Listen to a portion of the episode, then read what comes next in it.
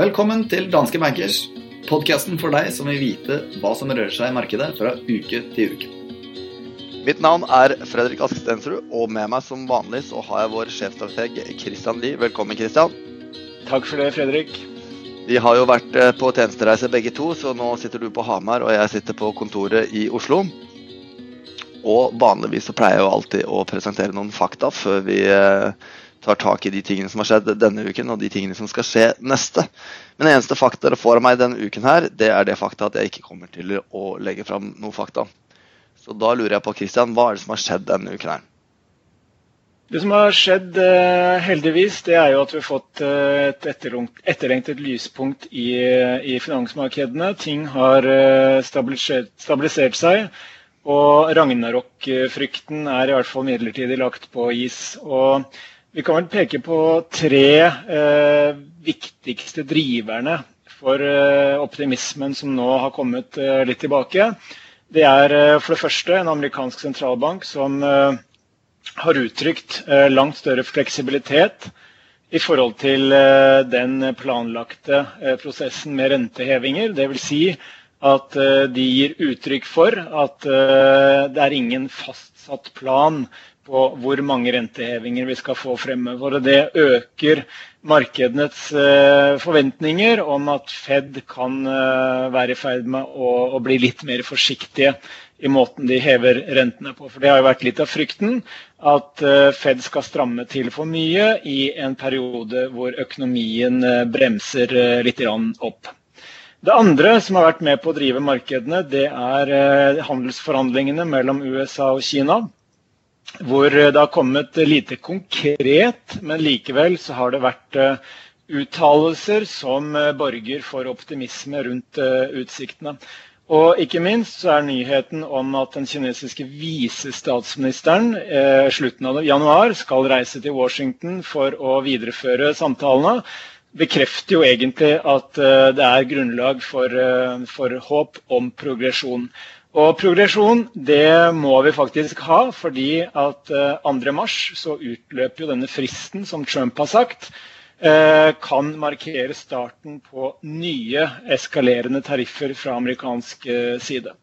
Og sist, men ikke minst, så skal vi heller ikke undervurdere betydningen av at uh, markedene har falt mye gjennom uh, fjerde kvartal uh, generelt, og desember spesielt. Det har gjort aksjer noe billigere. Og dersom flere investorer er enige med oss om at vi ikke får noe økonomisk krise i 2019, så har vi mange som har utnyttet kursfallet til å kjøpe seg inn igjen i aksjemarkedet. Og akkurat som frykt avler frykt, så ser vi også at når aksjemarkedet stiger, så avler optimisme mer optimisme, kan vi si. Det er jo slik eh, psykologien i finansmarkedene fungerer. Så det som gjenstår av utfordringer, det er jo selvsagt eh, verdensøkonomien, som fortsetter å vise svakhetstegn. Og det tror vi kommer til å fortsette gjennom første kvartal. Vi tror vi skal godt inn i andre kvartal før vi ser eh, tegn til stabilisering og, bedring. I tillegg så har vi en eh, brexit-prosess som ser eh, stadig mer kaotisk eh, ut. Der kommer vi med en liten kommentar i Finansavisen i morgen bl.a. Og I tillegg så er det også flere potensielle fartsdumper i forhandlingene mellom USA og Kina, som jeg skriver om i kommentaren vår i dag, som man bl.a. kan plukke opp på vår Twitter-konto, eller min Twitter-konto, hvis eh, man har lyst til å lese om den. Og hvilken Twitter-handle er det du har? Det er Lie CHR. Yes. Så med andre ord, kort oppsummert, så ser vi særlig tre drivere for den, eh, det løftet vi har hatt i markedet nå. Det er da lyspunktene i handelsforhandlingene mellom Kina og USA. Vi ser en kanskje noe mer forsiktig Fed, kanskje et håp om at ikke løftene i renta kommer like fort. og og etter hverandre slik man forventer. Og vi ser også en økt naturlig økt risikovilje i markedet etter en litt røft kvartal. Men ja, så kan vi også legge med at oljeprisen har jo hatt, går mot sin beste uke på over to år, faktisk. Og det har jo vært en god drahjelp for norske aksjer spesielt. Ja, Det tenker jeg du syns var spesielt interessant med tanke på den lille konkurransen vi har her. Endelig. Yes, yes, det er eh, fortsatt bare én uke. Det er lenge igjen til neste år, Kristian. Eh, Men hva er det som skjer i neste uke? Ja, I og med at vi er i en sånn periode med svakhetstegn i, i verdensøkonomien, så får disse makroøkonomiske tallene kanskje spesiell eh, betydning. Eh, og mandag klokka fem eh, på natta, etter det jeg kan se, så får vi tall fra industriproduksjonen i eurosonen. Og Forrige fredag på podden så snakket vi jo mye om disse kjære PMI-ene, som har vært veldig svake også i eurosonen. Og de er jo egentlig ledende indikatorer for den faktiske industriproduksjonen. Og dersom vi ser eh, at eh, industriproduksjonen i eurosonen sammenfaller med det ganske brå fallet i tysk industriproduksjon, så kan dette borge for eh, en kanskje svakere utvikling i europeisk økonomi enn det mange har lagt til, til grunn. Onsdag halv tre så får vi detaljhandelstall fra USA. Og disse forventer vi vil fortsette å vise styrke fra de amerikanske forbrukerne. Eh, men vi har sett at disse målingene for optimisme blant husholdningene, disse såkalte forbrukertillitsundersøkelsene, også har vist tegn til å toppe ut, men vi tror likevel at vi vil se fortsatt sterk eh, vekst i det private forbruket i USA, som jo utgjør 70% av BNP. Måtte ta med det. Og fredag kvart over tre får vi tilsvarende tall for industriproduksjonen i USA. Og det vi snakket om sist, var jo dette store fallet i ISM-indeksen i, i, i, USA for industrisektoren. Og dersom dette reflekteres også i videre svekkelse industriproduksjon i desember, eh, så vil det være en eh, videreføring av de svake tallene vi fikk for oktober og november. Og da vil det kanskje bekrefte eh, den moderate oppbremsingen i amerikansk økonomi som vi har sett tegn til allerede.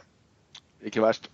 Jeg skal gå gjennom eh, markedsbevegelser de siste fem dager og også oppsummere de tre viktigste sakene for neste uke. Men selvfølgelig først så må vi innom kanskje noe motvillig innom eh, Aksjeolympiaden 2019. Det er da den lille konkurransen du har, hvor vi tar ukentlige posisjoner i enkelte indekser. Og i forrige uke så valgte du å gå long olje på 57,30, mens jeg eh, tok en lang posisjon i Norge. Eh, du fikk med deg 8,2% på din posisjon, og jeg fikk med meg 2,2 på min. Så da får vi vel si at året har startet eh, veldig ulikt hvordan fjoråret avsluttet. Og så får vi se hvordan det blir, Christian. Men hva vil du gjøre neste uke?